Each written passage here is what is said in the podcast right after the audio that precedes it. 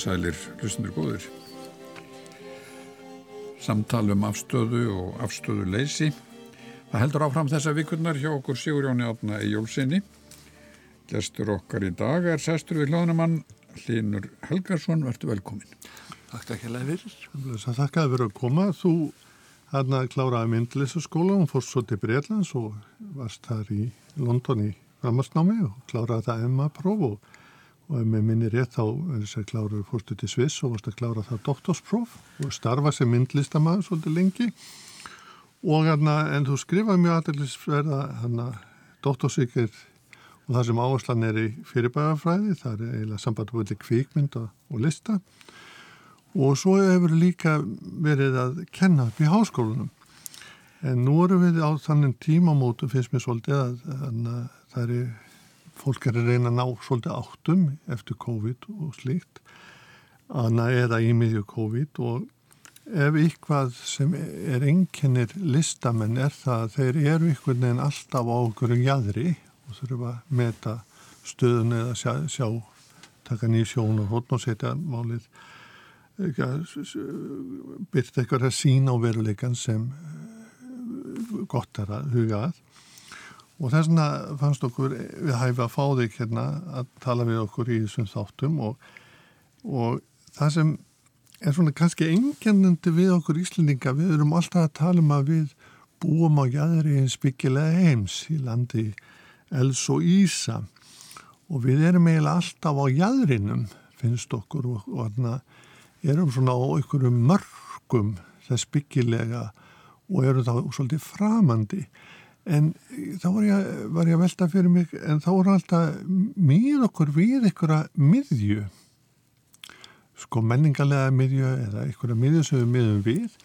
Og ég er að velta fyrir mig hver er þessi miðja og hver setur hann og hvað áhrif hefur hann ef við bara myndum huga til dæðins íslenski myndlistasögu í þessu samingi Sko ef við skoðum þessa miðju í heldina þá getum við sagt að, að það er viss þáttur í listasögunni að, að hún, henni, hún hefur tilneyingu til þess að miðjuvæða sig mm. hefur það í gegnum tíðina en það sem er áhugavertið það líka er það að þetta er hluti af valdaspilinu að, að, að þjóðir heims og, og valda aðilar hafa alltaf tilneyingu til þess að setja sig í forgrunn getur sagt það, sá sem hefur sterkan flota hann, er, hann skrifa söguna mm. en, en á móti kemur að það verður alltaf, það hverfur alltaf í raun og veru hvaðan áhrifin koma. Þau, þau eru mjög oft að áhrifin sem að koma úr jæðrinum mm. og sem að, sem að uh, nýlendu veldin eða valdastöfnund að nýta sér, þau eru, þau hverfa í þessa stóru hít sem er í miðjunni. Uh, og á móti kemur líka það að að eins og í listum eins og í Íslandi eða í Skandinavíu þá sagt, mótast uh, afstæða listamanna í þessum löndum að því að þeir séu raun og veru alltaf að miða sig við ykkurja miðju sem er þá orðin, orðin mítológísk eða, mm. eða, eða góðsagnakent og þessi miðja færist til eftir, eftir valdaspilinu. En nú séu til þess, ef maður talar um miðju, þá var til þess, fóru allir til Ítalju og Rómar á vissum tíma, svo færist þarna listaheimurinn eiginlega til Parísar er það ekki og maður finnur það að Íslindika fara þanga en þá er þetta alveg söðupóttur, það er allir sem koma þarna. Það er allir sem koma þarna og allir sem taka afstöðu til þess og, og, og síðan er þessi miðja, getur sagt hjá miðju, þeir eru með margar miðjur, mm. Íslendikar farið til Danmerkur, við kannski tölum við það betur setna, mm. Danir farið til Parísar og síðan geta Íslendikar farið fram hjá Danmerkur til Parísar á sínum tíma. En ef við skoðum bara listasögun í heilsinni þá er hún alltaf eins og Derrida sagði ykkur tíman að listasagan er að menningin er alltaf uh, nýlendu væti eða hún er alltaf koloniserandi mm. hún er alltaf verið að ef við skoðum Gríkland á fjóruðöld fyrir Krista þá, mm. þá sækja þeir sínins helstu áhrif þegar þeir hernema Egiptaland þá gjör breytist grísklist á sínu tíma Rómerska listin sækir öll sín áhrif til, uh, til Gríklands upphæflega þegar þeir hernema Gríkland mm og setna sækir hún áhrif, áhrif sín til, eh, til Östur-Európu í stóru, stóru mæli. Þannig að Róm verður þungamiðja, Róm sem er jáðar heimsins á 13. og 14. öll verður allt í unum þungamiðja á, á á 15. öld þegar að katholska kirkja byggist upp. Flórens sækir sér alveg gífurlega mikið af yðnaðamönnum eftir svartadauða. Það sem að talið er að alltaf 9-10-100% af íbúðum Flórensborgar hafi dáið í svartadauða. Þannig að það borgin reynsast upp, yðnaðmenn koma allstaðar að og byggja borgin upp á nýtt. Þannig að þessi, að flóttamannaströymar eru gífurlega, eins og þú segir, sterk af því hún sækir. Og maður finnur það að þeirra að byrja að mála þá eru mikið svona svo kallega sumar landsmyndur og slíkt en þá verðist það sækja til Danmörkur og, og hún verðist vera flöttinlistin til Íslands. Til þess að fyrsta listasöfnin var ekki keft, í, keft hérna, gefið til alþingis og sett upp í alþingishúsinu.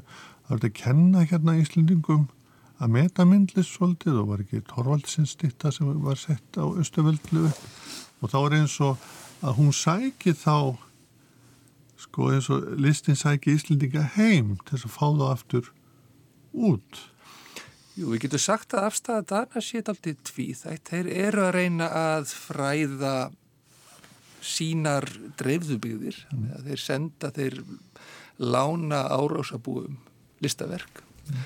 á sínum tíma upp úr, upp úr 1860. Mm. Þeir gefa Íslendingum listasafnið, þeir gefa Íslendingum svona það besta úr danskri og skandinavískri list á sínum tíma til þess að, til þess að uppfræða þessa, þessa skrælingja sem við getum sagt að Danir töldu Íslendika vera. Þeir töldu Íslendika ekki vera mjög vel að sér í málaralist. Hins vegar mátu Danir Íslendika verulega mikið í útskurði á þessum tíma. Þar, þar mm. vildu Danir, þeir mátu það því það, Danir höfðu lengi sótt íslenska smiði til þess að vinna í sínum skipasmiðastöðu eins og til dæmis, við getum sagt, mm. er Bertil Storvaldsen, þetta var flyttu til Danmörkur sem, sem útskurðarmestari. Þannig að, og getur sagt að áhrifin á, getur sagt að fyrstu áhrif Íslands á, á, á, á stóru listasöguna voru í gegnum, gegnum uh, það að Albert eða Bertil Torvaldsen læriði útskurð hjá föðu sínum í skipasmíðastöð. Þannig að þetta er ekki þetta heldur svona, það er í báðar áttir, hann næri handasmenn frá Íslandi og svo kom áhrifin tilbaka til Íslands. Já, já. Og getur maður þá sagt að Íslendingar hafa eiginlega nálgast þessa miðju menningarina í gegnum Danmörku til þess að byrja með. Það fóruður ekkert sérstaklega mikið til Parísar eða? Ekki til að byrja með. Þetta er fyrstu íslensku myndlistamenninni þeir læra í Danmörku. Mm. Fara til Danmörkur en uh, París fer, en, en, og, og við sjáum það í, í raun og veru í, í, í skrifum um íslenska myndlist í Danmörku fram eftir miðri 2000-öldinni að Danir eru mjög meðvitað um það að miðjan sé í París. Og þeir eru líka með meðvitað um sína stöðu sem, myndi ég segja, nýlendu veldis í því að þeir áhrifur á París koma til Danmörkur og þaðan kom flyttastöð til Íslands og annar að hluta danska veldisins og jafnvel danir voru nú og jafnvel innan Skandinavíu í held. Getur maður sagt að e, tengist það eitthvað svona þjóðurnissefingun íslensku að þeir fara að sækja þá beint framhjóttamörku til er ekki ykkur lístamenn sem sækja til Parísa beint eða, eða Rómar var ekki auðvitað sóttu, sko listamenn sóttu þetta íslenskir, íslenskir menna á romantíska tímabilinu, mm. getur við sagt, svona fyrir, fyrir 1850-60 þá, mm. þá, þá, þá sóttu Íslendinga til Danmerkur en meðal annars fyrir áhrifu Bertil Storvaldsen þá, mm.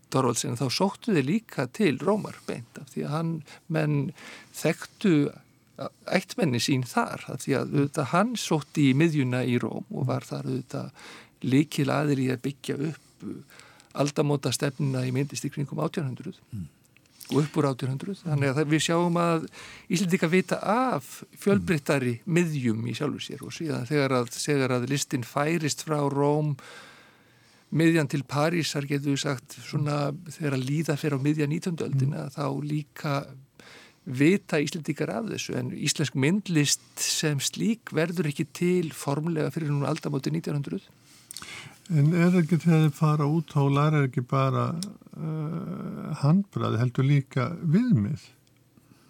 Og þá til þess hvaða á mála og hvaða viðfangsefni? Og þá sækja er eiginlega svona mælikvarða á hvað, hvað á að gera. Það er, er það ekki líka influtt til landsins? Jú, mælikvarðin er influttur og, og við getum sagt að ef við skoðum listheimin í kringum 1870 mm. þá er miðjan klárlega Frakland mm. og uh, frans, við erum með vel mjög sterk áhrif, skandinaviski listami fara mjög mikið til Fraklands þá en þetta er auðvitað fyrir tíma íslenskar myndlistar mm. þeir fara til Fraklands þeir eru þar oft árum saman í listamannan í lendum bandaríkjamenn, kanadamenn fara líka til Fraklands og svona Suður Ameríkumenn fara þángar líka og það voru listamanna bæir í nákvæmni Parísar það sem að varu, varu oft hundruði listamanna en afar fáir franski listamenn mm. Það voru í raun og veru listamenn sem sóttu þarna í þessi svæði það sem að, var svona áhugaverður listræðin turismi mm. það var svona og þetta voru kallar koloníur, þannig að þetta voru eiginlega, þetta voru litið á þetta sem einhvers konar nýlendur hmm. innan Fraklands. Hven, hvenar líkur þessu miðju skeið í Parísar, eða lögt því aldrei? Því líkur um í sætni heimstyröldinni. Það, það veikist að sumuleiti í, í fyrir heimstyröldinni mm. en, en viðhelst, viðhelst, en við getum sagt að sterkar listreifingar á millistrisárunum eiga sér stað í París eins og eins og surrealismin mm. sem slíkur en, en eftir í setni heimstyrjöldina þá fara það margir flóttamenn til bandaríkjana að bandaríkjaman eiginlega innlima listheimin Og var þá New York þessi miðja? Þá verður New York þessi miðja, alveg klárlega í myndlistinni en auðvitað við vitum auðvitað að svona eftir fyrri heimstyrjöldina verður Kaliforníu miðjan í kvikmyndalistinni já, já. og við sjáum það eftir og tónlistin líka, líka minna, eftir eftir fyrir heimstilin styrkist svakalega bandaríska tónlistasennan mm. sem slík hann er bandaríkinn taka mikið til sín eftir fyrir heimstilina, hún veikir veikir þessar uh, upptökulistgreinar mikið mm. í Evrópu sem er, er það tónlistin og, og, og kveikmyndalistin mm. en myndlistin heldur velli í í Evrópu. Hún var bandarísk myndlistvagnin lof háð Evrópu í kringu mm. fyrir hefsturöldurna þannig að myndlistin heldur velli, miðjan heldur velli í París og, og styrkist öllu frekara á tímabili. Mm. Og svo færist þetta yfir til New York. Svo færist þetta yfir til New York um, um í kringum heimsturöldina og verður þar, New York verður getur við sagt mjög virk miðja svona fram að oljukreppu. Olju. Og, þá, þá verðist vera núna eitthvað eins og Já, það verður kannski, sko, þessi miðja var þá, segjum við, New York og ef maður vildi verða eitthvað þá var maður að vera New York, þetta er bara eins og leiði með sína dröina, New York, New York. Hanna, en það er einhvern veginn eins og, e, það er eins og, miðjana færst til eða sé, svona, sé einhvern veginn að að splundrast að það sé ekki lengur eitt staður sem fleiri Já, við, við getum sagt svona mið, miðsæknin að, að hún er ekki, hún er ekki skýr, New York er ekki viðmiðið er ekki lengur í New York, við getum sagt að eh, upp úr þessari stefnu sem við kallum, eh, kallum postmoderníska list á, sem kom upp í kringum 1980 tengist punktónlist mm. í Evrópu líka og fleiri stefnum það, þar í raun og veru, þar splundrast miðjandaldi sem slík, hún verður allavega áhrifamiðjan hún færist til. New York heldur áhrifamiðja en við fáum sterkasenu í, í Köln til dæmis, mm.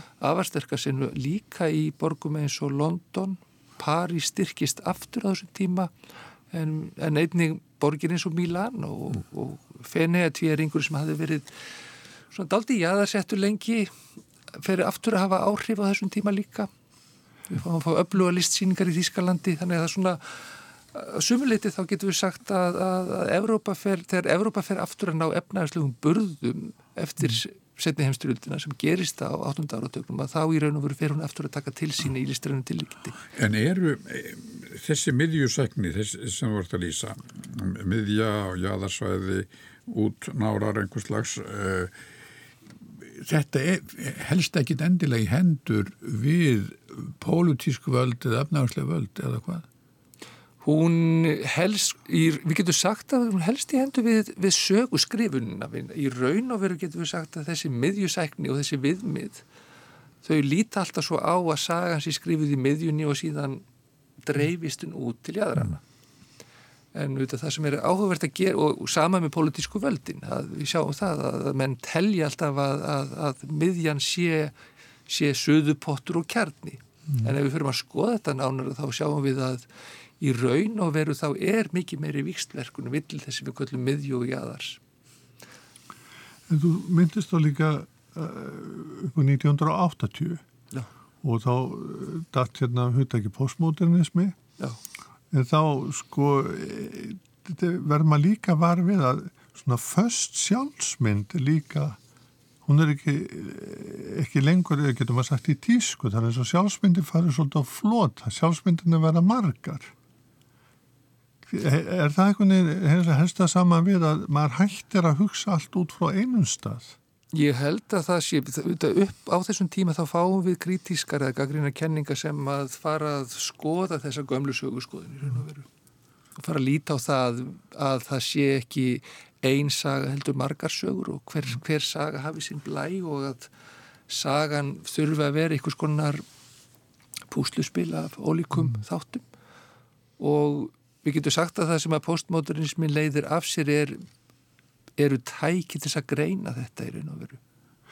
Getur, ef við tökum það saman, þá verður staðið verið upphæðið þannig að verið einmiðja í Róm sem, sem, og Fenegjum, Róm og svo farið til Parísar, það sem svona var svona heldarmynd tekið hans og þó allir kæmið og svo færist hún yfir til New York og svo einhvern veginn virðist hún hann að færast til en geði og við tölum alltaf um svona jáðarinn virðist vera að koma aftur inn, inn sem eitthvað svona sjálfstætt fyrirbæri getur maður eitthvað e, séð eitthvað tegnst þarna á milli þessar miðjuhugsunar og vissa nýlendustöfnunar og þá að þessar þjóðu sem eru á jæðrinu séu fyrirverandi nýlendur að þessi uh, breytu svona sjálfskilningu þeirra sé að breytast um leið og sagan er skrifið svolítið undir öðrum formerkjum.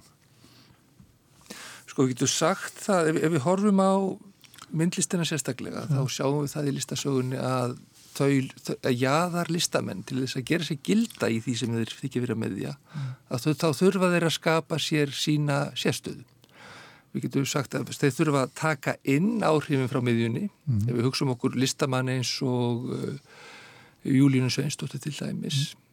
eða Gunnlaug Blöndar sem er kannski sterkara dæmi af því hann fór á millir margra miðja á millistrisárunum, hann í raun og veru var íslensku listamaður sem að fer til Danmörkur og gerir það gott þar.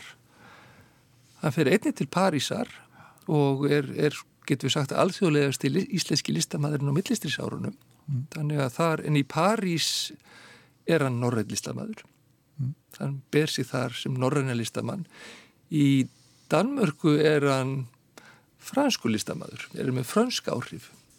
Hann nýtir sér bæði fransku, hann nýtir sér bæði íslensku áhrifin og fransku áhrifin í Danmörku En svo þegar hann kemur heim og er að mála hérna þá er hann, er, er þetta ekki aðal portréttmálar okkar íslendinga og þá er hann eiginlega fulltrúi við sá borgarstjættur og verður þá lendir þar á milli verðan þess að hann fylgir öðrum viðmiðum heldur um verður þá í gildi hér.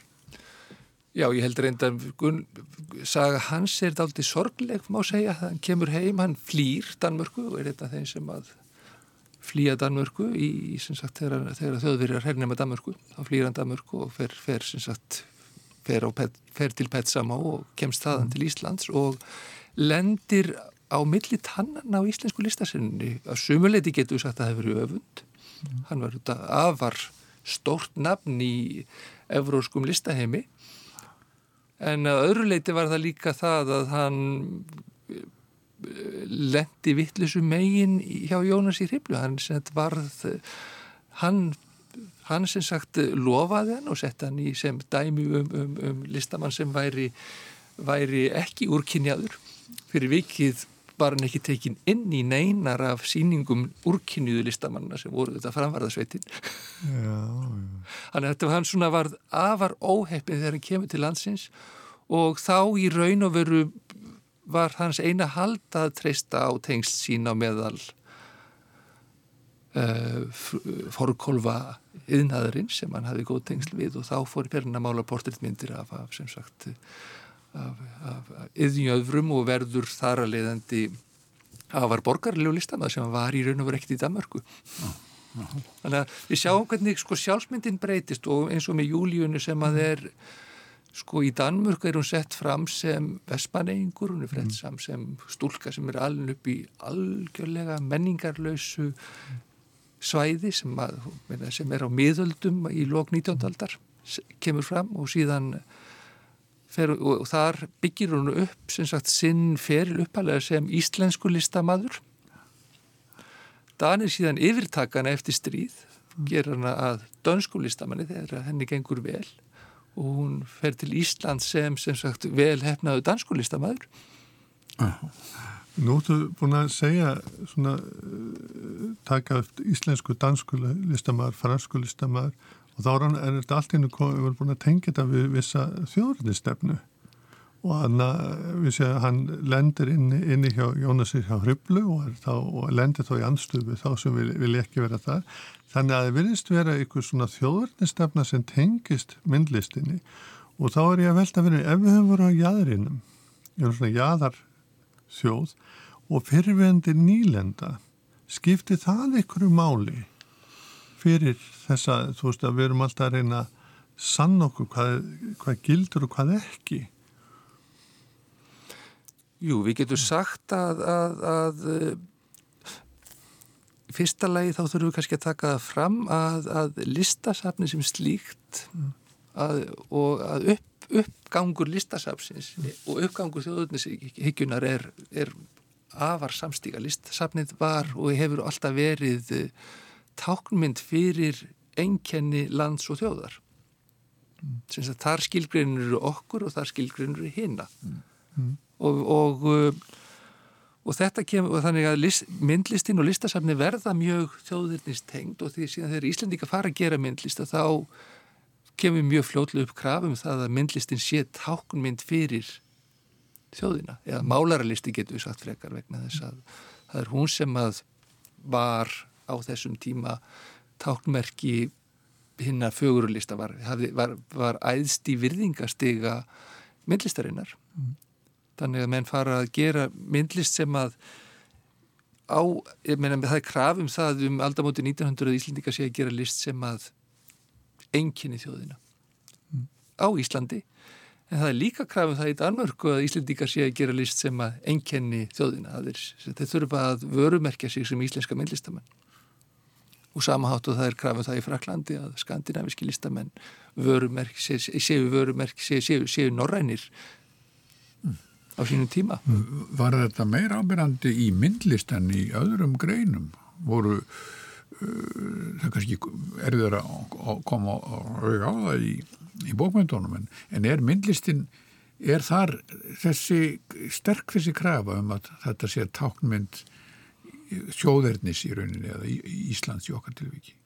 Já, ég held, ég held að það sé það og í raun og veru getur við sagt ef við tökum svona kannski síðromantíska krítika, við förum aftur til 1900 aldarinnar aftur, tökum eh, eins og breski krítikarinn John Ruskin sem að var sá sem kannski af, afbyggði romantísku stefnu sem slíka. En hann í raun og veru leitt svo á að, að, að þáttur myndlistar, að myndlist og, og náttúra væri, væri ó, ó, tengt óráðaböndum, þetta eru svona að í raun og veru að, að, að, að og þar fáið þessa þrjá þætti sem að tengjast mjög oft og hann auðvitað var að tala um skota til dæmis sem slíka að þú færð að eðli þjóðurinnar byggist á náttúrunni og myndlistin tengist því, þá sé byrtingamind á því þannig að svislitingar eða skotar í hans tilfelli þeir gær, gerðu grófari og sterkari myndlist út af því að náttúra þar væri grófari og sterkari. Mm.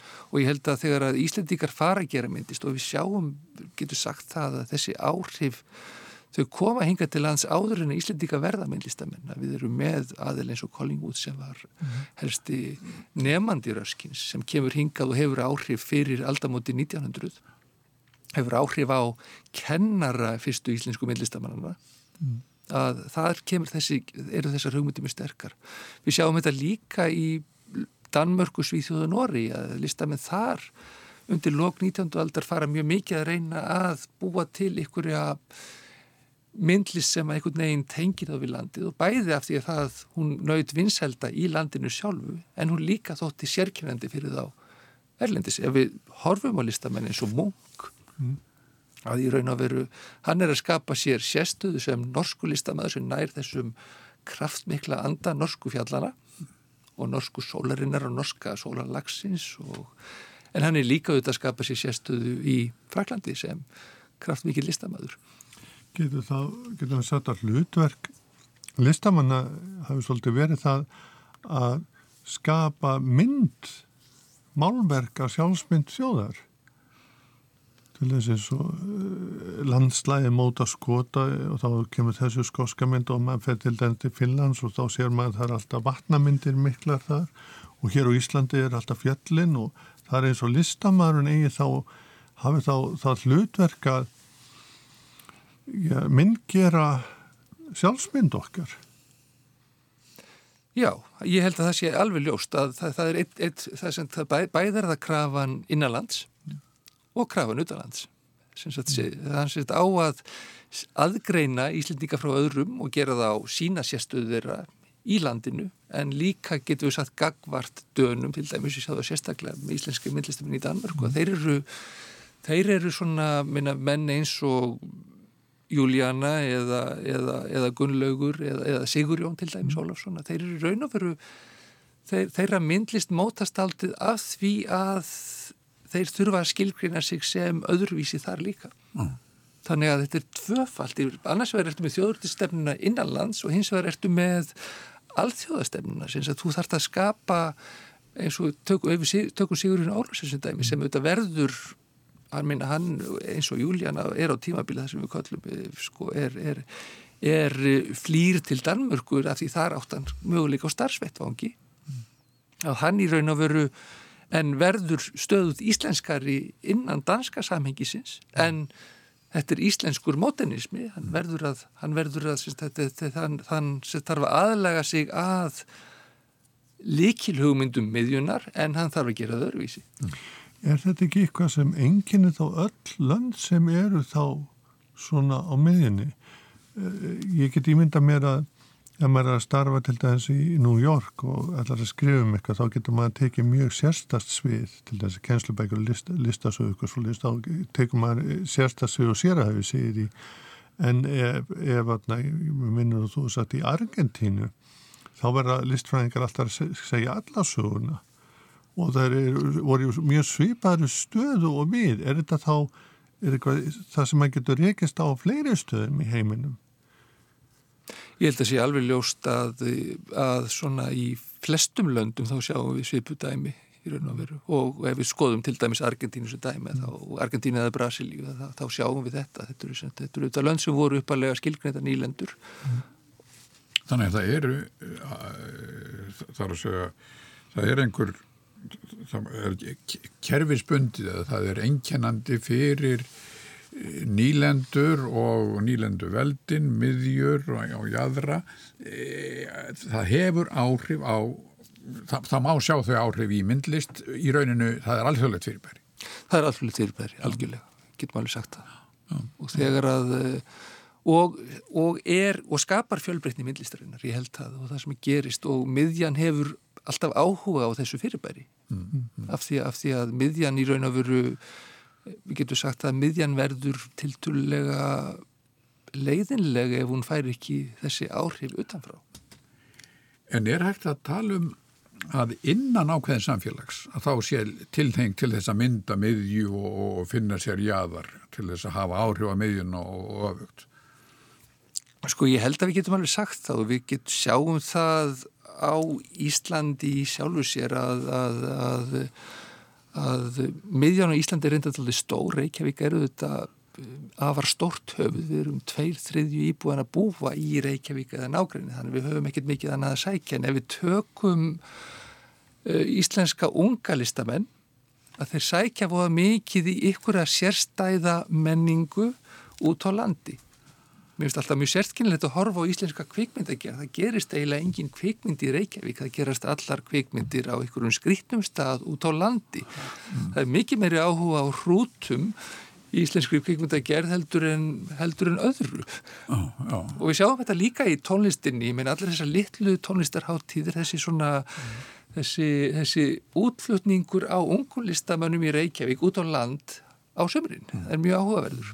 Og síðan sjáum við líka reyndar í litlum mæli hvernig Íslendingar hafa reynd að taka grælendinga eða sama inn í sína hefðu sjáum við þetta. Björk þegar hún fer víða og fær samískan kór inn í sína fjölbræðalist hún er þetta tónlistarkona en hún er líka afar, afar myndar enn í öllu sínu.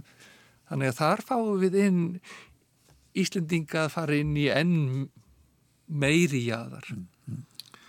Þetta er, þetta er svolítið merkelt venn þess að ég var líka varfið þetta í djassinum og hérna á Íslandi að þeir sem fá velun fyrir bestu djassplötuna eru yfirleitt mjög þjóðlegir.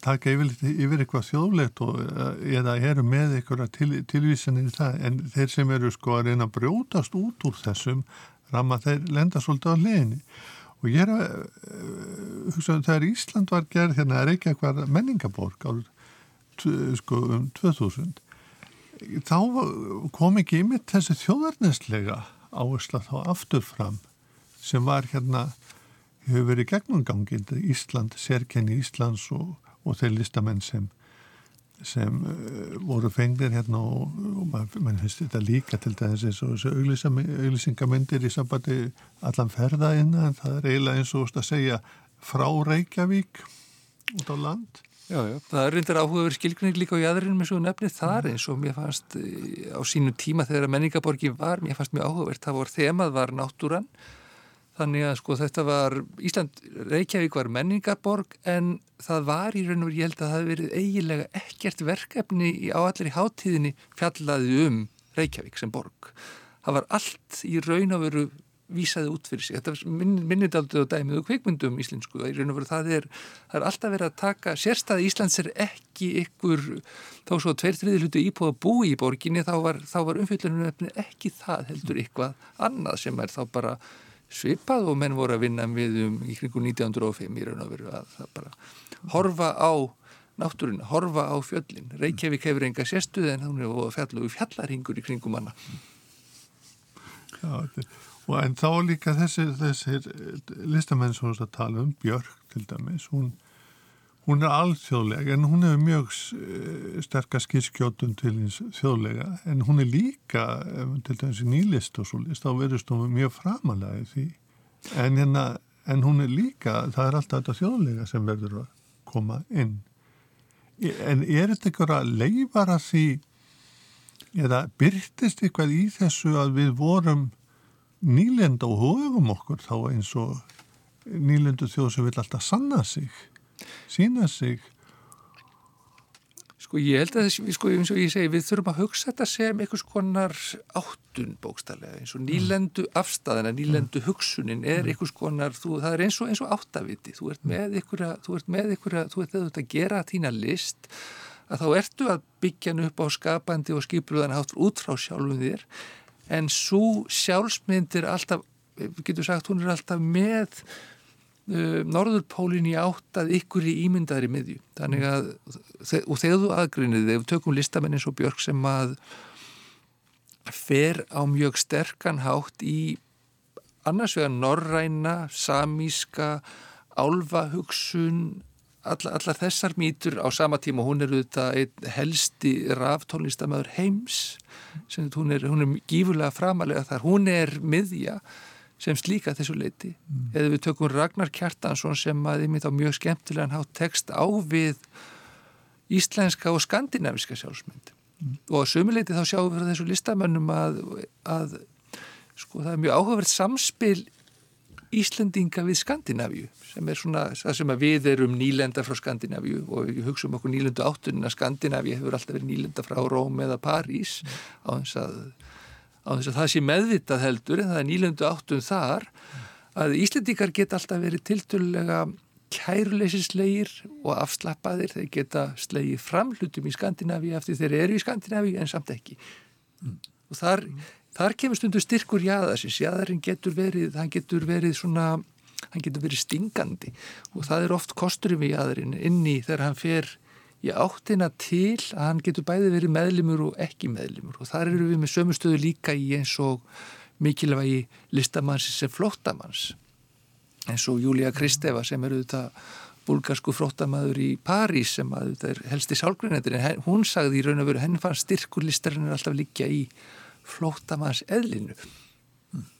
Að hann er alltaf hann er sagt, listamæður sem er að starfa í meðjunni hann er samt alltaf utan að koma til líka. Þannig að hann er aldrei hann hefur bara þessa, þessa kritísku sín í sinni eigin sjálfsmynd. Og við sjáum það líka eins og, eins og sem dæmis við tókum Júlíunu líka, hún var alltaf hún var virkur þáttakandi í dönsku listalífi, gasalega öflug en hún var samt alltaf utan að koma til mm. Og það er viss styrkur í raun og veru þú ert, sem ég held að Íslendingar eru viðrum, þar, þar er styrkur íslenskra listar í heilsinni viðrum hvar sem við komum eru við utan að koma til mm. Það er kannski mm. í þessu uh, talokkar um, um, um miðjur þá um, allt í hennu fór í hausnum að það er, við höfum ekki minnst á þessa tvískiptingu sem í rauninni við tölum alltaf um þegar við ætlum að útskýra eitthvað, þá förum við alltaf að tala um kaldastriðið. Það er að skiptinguna austur-vestur. Um, það væri mjög erfitt að tala um íslenskar bókmyndir nema að taka sko, sovjetið inn. En, kannski, en, en þarna hefur kannski ekki skapast einhverju klófin miðja eða einhver, einhver, eh, einhver tvend eh, í myndlist? Ég held að sko, eins og við skoðum þetta núna, við skoðum þetta í samræmi við kollega mína í Östur-Európu mm. þá, þá fáum við þessa afar sérskennilegu afstöð, þessi, þessi tvískipting sem við litum á að við þetta fengum sjálfsmynd vinstri sinniðra listamannum að þeir væru, væru progressífur og þeir litu östur mm. en þeir litu til östur sem þeir hafðu ekki hugmyndu hvernig væri það er raun og veru að meðan að síðan að listamenn í til dæmis Ungverilandi sem að heirt aðeins talað um að þeir litu vestur og allt annan hátt Þannig að þetta, þetta er þessi, það, það er aldrei gaman að skoða þess sko af því að þessi, þessi, þessi ofinbæra listasagu Östur-Európi hefur ekki ennveri skrifið í sjálfu sér á neitt grúndíkátt. En var, var Östrið jáðar? Ég held að Östrið var alveg klárlega jáðar í sjálfu sér en, en, en, en Östrið var jáðar sem var, var með mjög var þetta með mjög uh, ráðstjórnarlegu kerfi þannig að jæðarinn var ekki viðurkendur ef við tökum til dæmis eins og bara abstrakt list í Ungurlandi sem að hefur verið skoðuð að þar eru, er, hún, var, hún var borgarleg og hún var bönnuð. En, en, en samt sem áður var hún leið sem skreittilista því þá var hún ekki ógnandi. Þannig að við erum með svona þetta er, er svo austri, austri var jáðar og síðan eru þetta sjáum við að þegar að múrin fellur þá verður, verða, öst, verða listamenn frá austrinu alltaf, allt í hennu gífurlega vinsælir í miðjunni. Að listamenn frá þáverandi Leningrad mm. voru allt í hennu farnir að selja fullt af verkum í Köln og New York en það endist bara í tvö ár eftir það voru þið sendir heim og engi vildi sína það lengur það var svona þetta, þetta, þetta nýja brun sem kemur stundum upp sko að og austrið, en austrið var jáður og ég held að við sjáum það líka á vissu tímabili bara við tökum 7. og 8. árutíðina íslenski myndlistamenn hafðu mikinn áhuga á listamennum að austan og það voru áhrif þar inn þessi listamenn og við getum sagt að, að, svona, að sumir mikilvægir listamenn sem eru svona flökkulistamenn sem hafa haft mikil áhrif á Íslendinga eins og Dieter Roth til dæmis, þetta eru listamenn sem er ymmit sem hafi getur sagt að hafi svo við notum stökkur surfuðu, þeir eru raun og veru þeir, þeir fóru á brimbretti í jæðrinum til þess að fá áhrif En þá langar Dafminn Hug, við erum búin að tala um jæðarinn og miðju og ymslegt í kringu það. Og Dafminn Hug, sko listamenn er að hjálpa okkur að skapa sína sjálfsmynd okkar. En eru ekki líka sína hvar við eigum heima? Þú veist, maður er alltaf að reyna að finna sér stað og gera, gera staðin sem er á heimilislegan. Og þannig sér maður um að tala, fer inn á heimili þar sem maður sé listaverka þá er yfirleitt myndir eitthvað í íslenskum fjöllum. Það er, það er líka er ekki þeirra líka hlutur að draga fram vægi þess að vera á jæðurinn að það sé heimilimanns og sé þess virði að lífa þær og maður, ef maður fer yfir sko þessu lönd sem hafi verið fyrir undir lindu þá er alltaf að draga fram einn þjóðlegu arleið og hún hafi gildi, vægi, gagvart ykkur ímyndaðri miðjum svo að tala um að vissi ekkit um hvernig þetta var fyrir austan.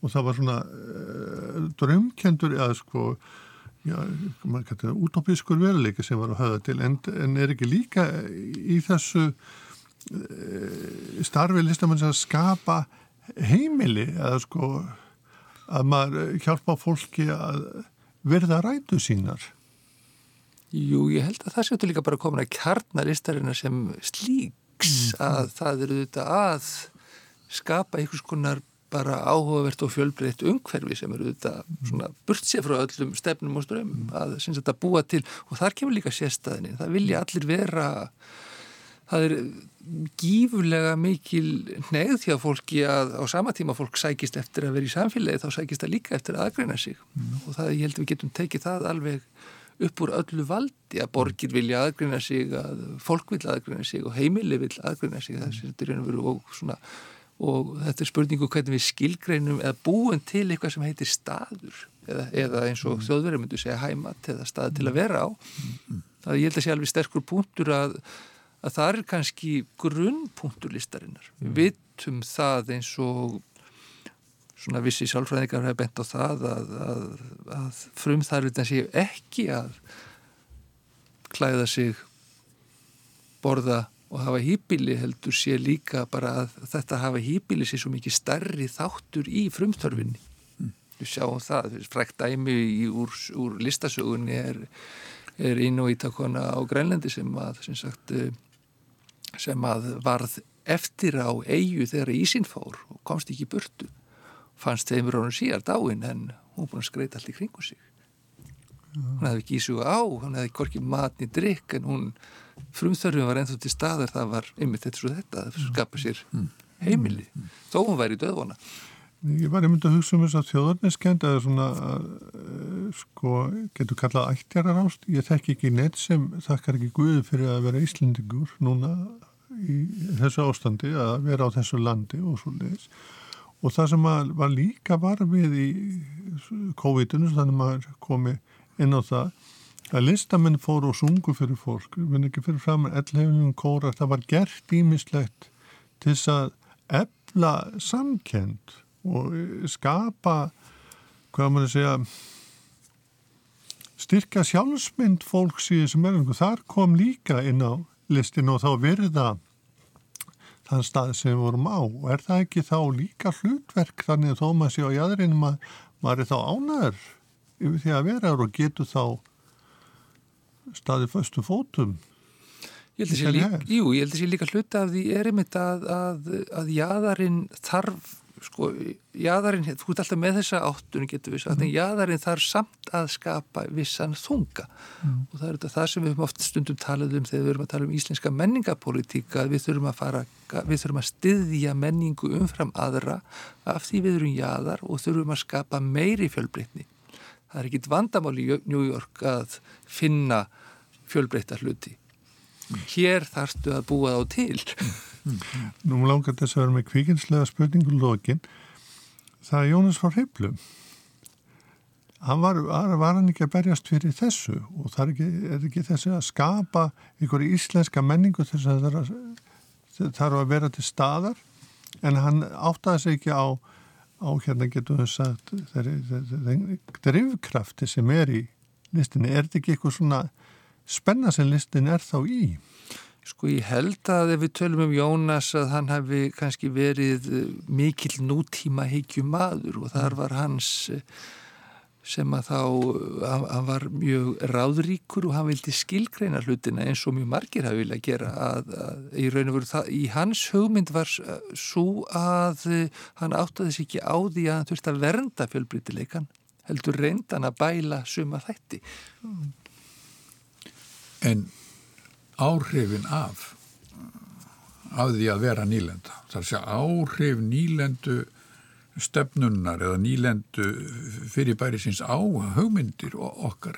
Höfum við einhvers slags uh, má greina einhvern nýlendu hugsunarhátt sem, sem minimátakent hjá Íslandingum eða jafnir öfut. Ég, ég held að þetta sé sko já og nei. Ég held að við getum sagt að það má greina nýlendu, má, þú getur alltaf greint nýlendu hugsunaháttin sem minnumáttakent en hins vegar þegar að menn yfirvinni þess að minnumáttakent þá færðu gífurlega krafteldi. Þar, þar er styrkur í aðarsins og þess vegna eins og sækja menn í aðarinn stundum eða þess vegna sækir miðjan í aðarinn og þess vegna, ég held sko að eins og þessi hugmynd sko um annars vegar getum við hugsað okkur jáðar en mér finnst mikið sterkar að hugsa okkur hjámiðju eins og við kannist við ef þú ert með mhm. öksul og þú ert, hann leikur í ás og ef ásinn ef að, ef að sagt, ásinn er örlítið skakkur að þá pæruðu titring og jáfnvel þannig að vélinn springur á lókum og ég held að það sem jáðarinn getur gert að hann er ekki, hann er ekki miðja, hann er hjámiðja og hann getur þess að vera mjög öflugur til þess að Í, maður ímyndir sér alltaf að allt verða gerist í miðjunu og miðjan sé ráðandi en ég held nefnilega að það sem að sé komið ljós í, á 2001. öldin er það í raun og veru að jáðarinn getur kannski haft mikið meiri uppbyggilega áhrif. Ímynd með því að skapa hjámiði áhrifin með því að skekja seifluna Ertu með, ertu í rauninni þarna með grand teóriu, kenningu um, um þetta samspil í listaheiminum, um, um miðju og hjámiðju og þennan titring sem þarf að verða til þess að, að sköpuna í þessu stað. Já, ég held að, við segjum það, það er alltaf gott að enda með einhvers konar stóri kenningu.